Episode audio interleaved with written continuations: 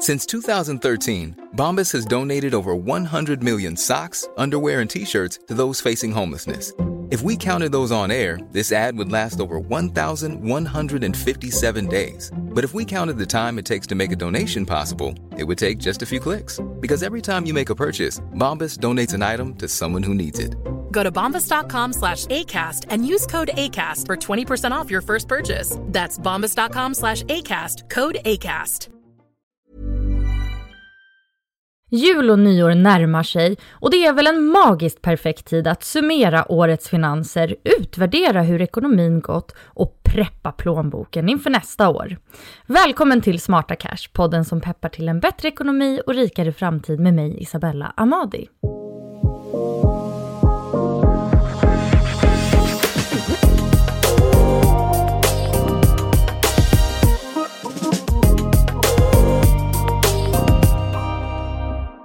Ja, boken börjar stängas och det är dags att utvärdera hur privatekonomin gick i år.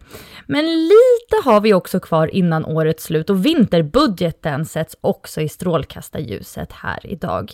Och med mig för att prata om allt detta är Jenny Sandén som är privatekonom på Danske Bank. Hej Jenny! Hej Isabella! Så fint att ha med dig här i podden nu när året går mot sitt slut. Eh, jag tänker mig att vi typ dyker in i det här direkt. Vad säger du? Absolut, låter jättebra. Underbart. Eh, om man gör en liten överblick först egentligen, alltså hur har svenskarnas plånböcker mått 2023? Ja, det är, jag tror att vi alla kan vittna kring det. Plånboken har blivit tunnare och tunnare och tunnare och det som kanske har varit eh, allra, allra jobbigast för de flesta av oss, det är ju att man inte riktigt har vetat hur tunn, tunn kommer den bli? Eh, vad är nästa utmaning? Eh, så det har varit eh, väldigt tufft för väldigt många under året och är fortsatt väldigt tufft för väldigt många. Däremot så tycker jag väl att vi har kommit in i en lite mer stabilitet eh, och vi har kanske också ställt om våra vanor lite mer. Så att jag ser ljus på 2024. Eh, men det har, varit, det har varit tufft 2023. Ja, och den här tuffheten som vi många har fått erfara gör ju att det kanske inte känns så himla jättekul heller att blicka tillbaka på det här ekonomiåret heller. Men eh, trots det kan vi väl i alla fall försöka oss på någon sorts eh, utvärdering. Mm. Men hur gör man en bra utvärdering av sin privatekonomi? Nej men varje år tycker jag, och det är inte bara egentligen vad som har hänt 2023, utan varje år så tycker jag att man ska göra ett bokslut på sin ekonomi. Eh, vilka stora utgiftsposter hade jag? Eh, hur, eh, hur tufft hade jag det? Har jag ställt om på något sätt? Och kan jag dra lite lärdomar? Sen brukar jag ju göra en Eh, ska man säga, budget för nästkommande år. Eh, och då brukar jag titta på vad är det jag vet kommer komma? Är det så att jag har eh, några kompisar som ska gifta sig exempelvis? Brukar det ju vara lite, lite mer kostnader där? Vet jag om att vi ska resa någonstans? Eller vet jag om att jag eh, troligtvis behöver ja, investera i ny tvättmaskin eller någonting? Lägg de utgiftsposterna eh, på, på budgeten nästa år. Eh, så har jag en bättre koll helt enkelt. Så bokslut för 2023. Eh, vad kan jag ta med mig? Vad kan jag lära mig? Blev det som jag egentligen tänkte att det skulle bli? Eh, och så gör en budget för 2024. Då brukar man komma väldigt långt på det där. Mm. Och när man granskar sin budget som ju nu går till ända, eh, vad, vad ska man hålla lite extra koll? Finns det något man kan titta närmare på för att kunna spara mer nästa år? Några typ budgettjuvar eller något sånt? Ja, men jag tror att de allra flesta de vet ju vilken inkomst man har. De allra flesta vet också vilka fasta utgifter. Eh, ofta så brukar den stora boven vara den här rörliga utgifterna. Uh, och då rekommenderar jag att gå in och titta på transaktionerna på, på din mobilapp uh, och se vad har jag spenderat pengar på. Och så titta lite grann på, finns det någonting jag kan lära mig av det? Finns det något jag kan liksom spara in på? Det kan vara allt ifrån att oj vad jag äter lunch ute mycket eller oj vad mitt eh, take away kaffe kostar mycket eller eh, det här med att jag liksom handlar på vägen hem i stort sett varje dag till, till middagen. Kanske jag kan göra någonting annat. För oftast är det ju de här posterna som inte där och då kostar så mycket. Men om man summerar ihop dem så blir det rätt mycket pengar. Så det är den här take away kaffen, det är utelunchen, det är taxiresor eller att jag spontanhandlar någonstans. Där kan jag ofta spara en hel del pengar. Mm. Det är många bäckar små som man då kanske vill ja. vända om till att bli ett många bäckar små sparande. Exakt. precis. Ja. Men jag tänker just ett eh, ja, men, kämpigt år som eh, 2023 har varit. Alltså, sparandet kanske inte har varit det allra bästa för en del. Man kanske till och med behövt leva lite av sitt sparande och så. Eh, så här i bokslutstider, alltså hur, eh, vad kan man ställa sig för frågor? Hur kan man reflektera kring sitt sparande? Men jag tror generellt sett så är vi svenskar rätt dåliga på att spara och de som sparar sparar oftast för lite och det har det har egentligen, eh, eh jag ska säga, det är en konsekvens egentligen av att vi har haft väldigt god tillgång på kapital de senaste tio åren. Räntorna har varit låga, eh, tillväxten har varit bra och så har man liksom levt upp pengarna och levt ett lite bättre liv än man kanske egentligen generellt sett har råd med. Uh, och så fick man helt plötsligt, det började egentligen förra hösten, där gick vi, fick vi ju elräkningar som var två, tre gånger så stora och så small det. Och sen så fick vi en hög inflation och den då kompenserades med att vi fick högre räntor och så högre räntor och så högre räntor och så kom matvarukostnaden på det. Så det var lite tufft eh, ska man säga i förra hösten och i början på 2023. Jag tycker nog att de allra flesta börjar ställa om. De allra flesta eh, börjar titta på liksom och göra en budget och verkligen ha koll på det. Och väldigt många har börjat fundera på vad kan jag göra med mitt sparande? Och en sån här återkommande fråga som jag får det är ska jag amortera eller ska jag fortsätta spara? Eh, och det är klart att är jag väldigt högbelånad då brukar jag säga att försök nu lägga eh, sparandet som amortering för då får du också ner räntekostnaderna och du, du skapar liksom lite luft i maskineriet. Däremot om jag är lågbelånad, det vill säga att jag har en liksom en, en eh, belåningskvot som ligger runt en 60-70 ja men då ska jag fortsätta spara istället. Då kan jag göra båda två gör gärna det. Sen vet jag att många tycker att ah, men jag har inte råd att lägga 1000 kronor i, i månaden på ett sparande. Nej, men lägg 100 kronor då. Eh, lägg det du har möjlighet att spara, för det bästa man kan göra det är att kontinuerligt spara varje månad och göra det långsiktigt. För det skapar liksom en, en bra buffert och det är rätt skönt att ha lite trygghetskapital i ryggen när, när det blir lite kallare ute och eh, kostnaderna ökar. Att ha det där eh, och försöka att liksom ha en, en buffert brukar jag säga på ett, ett konto på 3 till 6 månaders utgifter. Uh, skit i att spara 10 av din bruttolön eller ha en årslön på, på kontot eller något, utan titta på vilka utgifter du har. Om det skulle krisa lite grann, har du då råd med 3 till 6 månaders utgifter? Och varför säger jag det då? Ja, men 6 månader tog det för för arbetslöshetskassan att betalas ut eh, när, om man blev arbetslös under pandemin. Vilket gjorde att räkningarna kom in, de damp ner i brevlådan och hade jag då inte sparkapital hade jag ju tufft under den sex månaders perioden innan jag fick lite a-kassa. Eh, så att det, det är rätt skönt att ha lite trygghetskapital, men ha inte dåligt samvete om du inte kan sätta undan tusen kronor i månaden utan spara det du kan. Mm. Ja, det är ju väldigt lätt att bli, eh, vara lite hård mot sig själv, speciellt när man ska mm. sätta budget och sådär också, att man är så här nästan vill leva på existensminimum för att man ska kunna spara så mycket. Eh, hur hård tycker du man ska vara mot sig själv? Nej, men jag tycker inte att man ska vara speciellt hård mot sig själv, utan jag brukar säga det. Men har jag lite tajt en månad, hoppa över den månaden då och se till att börja spara månaden efter det istället. Eh, utan, och sen kan man ju tänka sig att alla andra gör och inte jag. Nej, så är det inte. Alla andra sitter i precis samma situation som jag själv. Men jag tror också att ha ett kontinuerligt sparande, sätt undan det du egentligen kan. Kan man göra det redan när lönen kommer in så slipper man tänka på det sen. Och sätt hellre undan liksom ett par hundralappar än ingenting alls. Men eh, vissa månader så har man inte råd att spara och då får man hoppa över den månaden så får man gå på nästa månad istället. Det är ju liksom inte att man ska ju, man ska ju kunna leva också. Självklart. Eh, däremot tycker jag att man kan utmana de här snabba kickarna som man har kanske haft senaste tio åren med att ja, men jag ska kunna gå på restaurang imorgon, jag ska gå på teater och nu ska jag åka på weekendresa i helgen och sånt där. Nej, men tänk till ett varv till därför att det kanske kostar mer än det smakar. Um, och det jag absolut vill, vill eh, rekommendera att man inte gör det är att ta konsumentkrediter för att för att leva, om man nu säger så, eller resa eller göra sånt, utan man ska göra det på de pengar som man har råd att avvara. Mm. Eh, jag tänker också på eh, en del som lyssnar på den här podden investerar nog lite pengar också. Är det ett bra tillfälle att också passa på att se över sina innehav om man inte har, har det på liksom månads eller basis? Så?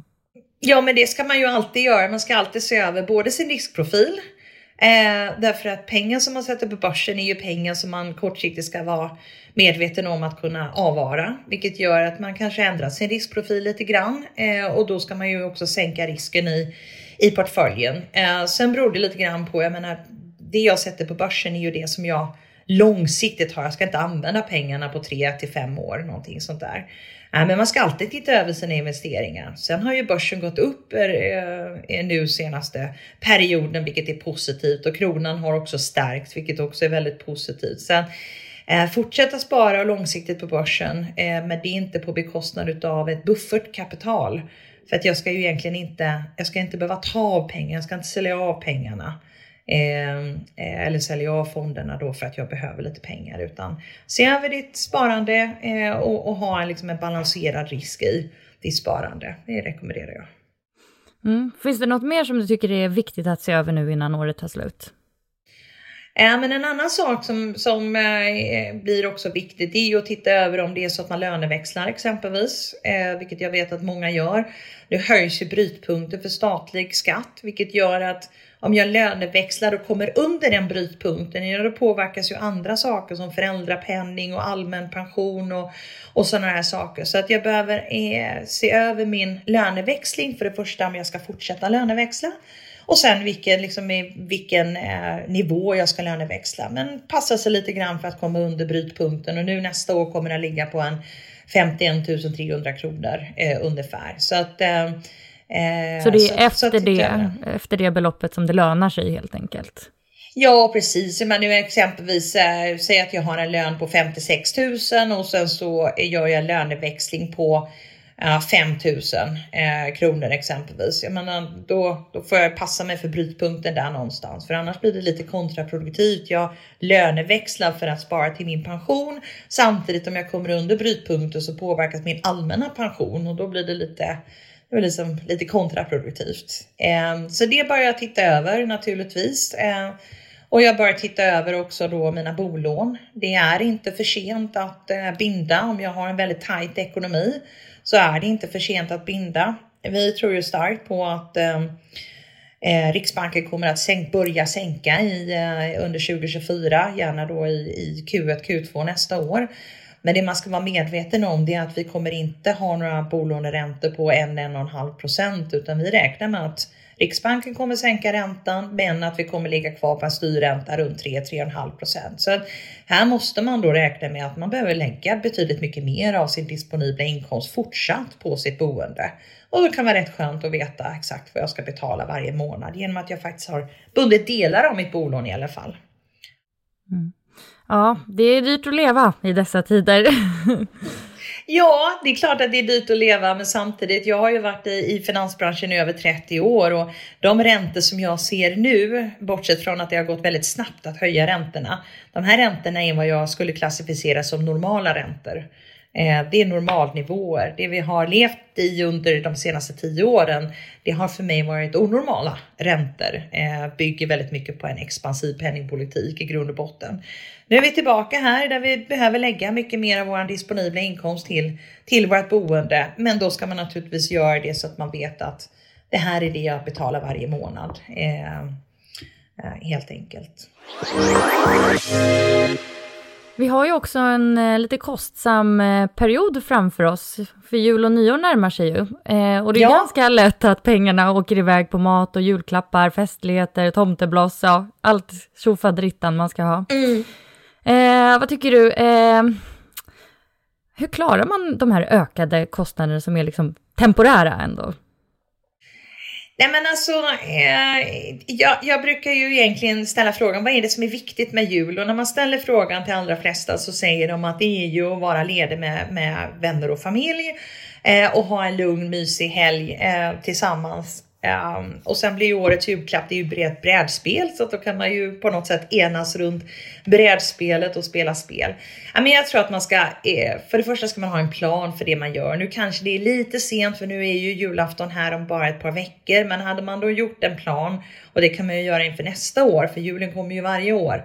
Eh, jag köper julklappar hela året runt eh, exempelvis. Eh, så att jag är klar med julklapparna rätt tidigt och har spridit ut mina kostnader. I år har jag dessutom utmanat väldigt kraftfullt och sagt att det blir mer aktivitetsbaserade julklappar. Det vill säga att man tar en, liksom en mysig picknick eller en fika eller någonting sånt där snarare än att det blir kapitalvaror. Och sen samma sak med mat. Kör ett knytkalas Eh, jag tycker också att man ska sätta sig ner med dem man firar jul med och, och fråga lite grann att ja, men hur gör vi detta i år nu när alla har ökade kostnader? Eh, kanske att man bara ger julklappar till barnen och att man håller nere dem lite grann. Så att ha en plan för det du gör, prata med nära och kära som du firar jul med. Jag tror att alla gärna eh, inte sätter sig i en skuldfälla. Köp inte julklappar och mat på, på kredit för det får du betala då när det kommer i februari, vilket vanligtvis brukar vara den fattigaste månaden på året ändå. Och så tänk lite grann på vad är det viktigaste med jul? Jo, det är ju faktiskt att umgås med varandra och kanske inte så mycket att hela julgranen är full eh, med klappar under eller att hela julbordet eh, är fullt med mat, utan att man väljer lite mer sporadiskt och, och spartanskt i år. Mm. Har du något tips då, för om man nu har satt en budget, eh, det är väldigt lätt att dras med i liksom all eh, köphets och allting. Har du något tips för att inte spräcka budgeten? Spräck inte budgeten. Nej, jag vet att det, det, är, det är lättare sagt än gjort, men eh, alltså ha en väldigt stark plan. Jag tror att den här man, det är lätt att liksom hänga med eller, eller springa på om man ger sig ut i butiker. Hade man däremot kanske liksom, man har en lista med det man ska köpa och så sitter man då och eh, eh beställer det hemifrån. Då, då tror jag att det är lättare att hålla sig till den här listan än att man ger sig ut på stan. Och måste man ge sig ut på stan, ja men håll det till den här listan i, i vilket fall som helst. Sen kan det vara någon extra julklapp som slinker ner eller att du tar någon glögg när du är ute på stan. Ja, det, det får man leva med. Eh, vi är ju bara människor i grund och botten. Men eh, tänk på vad som är viktigt och det är ju faktiskt att man är närvarande och har mysigt med, med familj och, och vänner helt enkelt. Eh, hur gör man med sparandet då, tycker du, när det blir sådana här äh, väldigt kostnadsintensiva tillfällen? Ska man fortsätta spara eller äh, ska man pausa? Nej men eh, har man absolut inte möjlighet och man snarare säger ja jag sparar 500 kronor i månad och jag vill hellre lägga det på en julklapp till mina barn. Ja men gör det i december då. Hoppa över och spara i december och så sätt igång i januari istället. Men att, att sluta spara är liksom inte ett alternativ utan det är det här trygghetskapitalet som man behöver ha i ryggen. Och istället för att få de här korta, liksom, omedelbara kickarna i form av att ja, jag fick ge bort en extra julklapp eller jag fick någonting extra. Uh, så kan man faktiskt tänka på att ah, jag kanske ska sätta det uh, på sparande istället. För det blir en långsiktig, utdragen kick istället då. Så att, men man ska inte vara så tuff mot sig själva utan jag tror att det är många som hoppar över december och sparar i december och så lägger man lite mer på, på eh, julaktiviteterna istället. Uh, här tycker jag ju också att det är rätt intressant att gå på loppisar. Uh, det finns ju alltid saker man kan hitta på, på loppisar eller på second hand som man kan göra om lite grann. Antingen om du målar om det eller gör om det och sånt där. Och det blir oftast en väldigt fin julklapp. Eller om du har någonting själv i garderoben som du har fått och aldrig har använt. Eh, som du tänker att men den passar den och den personen. Så det är återigen tillbaka till planen och verkligen fundera på vad skulle den här personen bli glad för? Eh, och det är oftast inte någonting som är så dyrt utan kanske att bara få spendera någon fikatid med dig eller något sånt där. För det är ju det, är det vi människor går igång på. Mm. Ja, alltså, och second hand som du säger, det är ju jättebra. Om man tänker då årets julklapp som blev sällskapsspelet. Alltså jag köpte ett ja, men jättefint eh, vanligt, eh, något av de här spelen eh, på en second hand-butik för 60 kronor. Kostar typ Exakt. 500 spänn nytt. Alltså det är ju otroligt egentligen. Ja visst, jag köpte några ljusstakar som jag färgade om helt enkelt. De blir supercoola.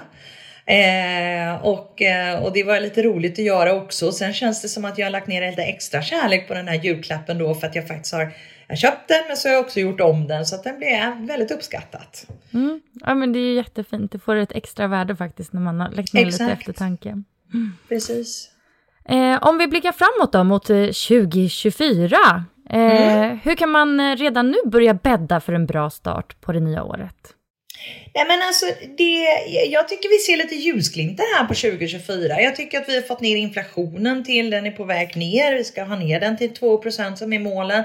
Den är på god väg eh, att komma ner, vilket också då talar för, som jag nämnde tidigare, att, att räntorna kommer börja sänkas nästa år. Jag ser också att att eh, eh, börsen har liksom hämtat sig, svenska kronan har, har stärkt. Så det finns många ljuspunkter. Däremot så kommer säkert tillväxten, eller vi planerar, vi, vi eh, spår ju att tillväxten kommer att eh, dras ner lite grann, även om den inte kommer att startdyka på något sätt. Eh, Eh, så jag tror att det som, det som man behöver göra för 2024 förhoppningsvis har man lärt sig lite under 2023 och det är att bibehålla de goda nya vanor man har fått. Det vill säga att man har en, en budget, att man har en plan för sin ekonomi och att man eh, tänker både ett och två gånger innan eller en och två gånger innan när man eh, ska köpa någonting. Behöver jag ha den här fjärde tröjan eller eh, räcker det med att vi reser på sommaren eller eh, lite sådär. Så jag tror att många har lärt sig och jag tror att många har ställt om eh, och det är bara att fortsätta det helt enkelt. Mm. Och när man gör sin budget för nästa år, tycker du man ska göra liksom en månadsbudget som då ska se likadan ut för varje månad eller ska man göra någon årsbudget? Alltså, hur gör, hur gör man den på ett smart sätt? Men jag sätter mig oftast i december och som jag nämnde lite tidigare så tittar jag på det. Ofta så vet jag ju att ja, men det kommer någon som fyller jämnt eller eh, det kommer en resa som vi har planerat eller att eh, jag ska göra någonting. Så lite mer de här stora utgifterna som jag faktiskt redan vet kommer komma. Och då är det ju bättre att jag jag vet att jag, liksom, någon fyller jämnt här i augusti nästa år och då sätter jag undan lite pengar varje månad för att kunna köpa en present då. Eh, så att ju bättre plan jag har för 2024 och sen behöver jag ju hålla mig till den planen så mycket som möjligt, desto bättre är det. Och det är liksom tryggt någonstans att jag tar kommandot själv över min ekonomi. Jag blir inte så jag är inte bara påverkad av det som händer runt omkring utan jag känner att jag har kontroll över min ekonomi. Det tror jag är den absolut viktigaste aspekten. Sen vet jag att budgeten kommer inte att hålla varje månad exakt så som jag tror att den är i december, men jag har i alla fall lite bättre koll. Eh, och om det skulle behövas, vad är det första jag drar ner på? Är det streamingtjänster om jag har liksom ett par stycken eller är det att jag helt plötsligt eh, ställer bilen hemma och tar eh, liksom bussen istället? Eller vad är det jag skulle dra ner på om jag skulle spara in någon tusenlapp i månaden eller ett par tusenlappar i månaden? Det är också rätt skönt att, att veta vad jag skulle göra även om jag inte gör det. Eh, så vet jag vad jag ska göra. Så ju mer, ju mer koll jag har, eh, desto bättre är det. Sen kommer den inte hålla varje månad helt enkelt. Jag brukar göra en årsbudget eh, och så brukar jag eh, ha koll på de, de, stora utgifterna som jag vet kommer att komma, om de nu kommer eh, nästa år. Mm. Underbart! Då är det bara att slut, avsluta det här året och tagga till inför nästa ekonomiår. Exakt och passa på nu när man är lite julledig att liksom titta igenom transaktioner på, på kontot. Vad har jag spenderat pengar på? Och sen måste jag ju också, eh, när man ändå sitter där runt köksbordet, så tycker jag att man ska i familjen faktiskt ha eh, dialogen om jämställd ekonomi. Hur gör vi vår ekonomi ännu mer jämställd? För där, där tycker jag att där går vi åt fel håll i Sverige. Uh, vem är det som vabbar? Vem är det som uh, swishar barnen när de smsar att de behöver någon hundralapp eh, för, för lunch eller någonting? Titta igenom de transaktionerna och säga att ja, men det här känns inte så jämställt. Uh, hur gör vi det ännu mer jämställt i vår familj? Och inkludera barnen. Barnen tycker det är jätteroligt att prata om ekonomi. De tycker det är jätteroligt att få någon hundralapp och nu ska ni köpa liksom middag till hela familjen här. Eh, och så får de det som en utmaning. Så att eh, inkludera dem också. Det eh, kan man passa på nu när man är lite ledig över jul att faktiskt ta ett grepp kring det. Det är rätt skönt att kliva in i januari nästa år och veta att ja, vi har en bra koll och vi har en bra plan i vår familj för, för vår ekonomi. Underbart. Stort tack Jenny för att du var med här i podden. Tack själv Isabella och ha en riktigt god jul och gott nytt. Tack detsamma och tack till dig som har lyssnat på det här avsnittet också. Vi hörs igen nästa vecka. Hej då!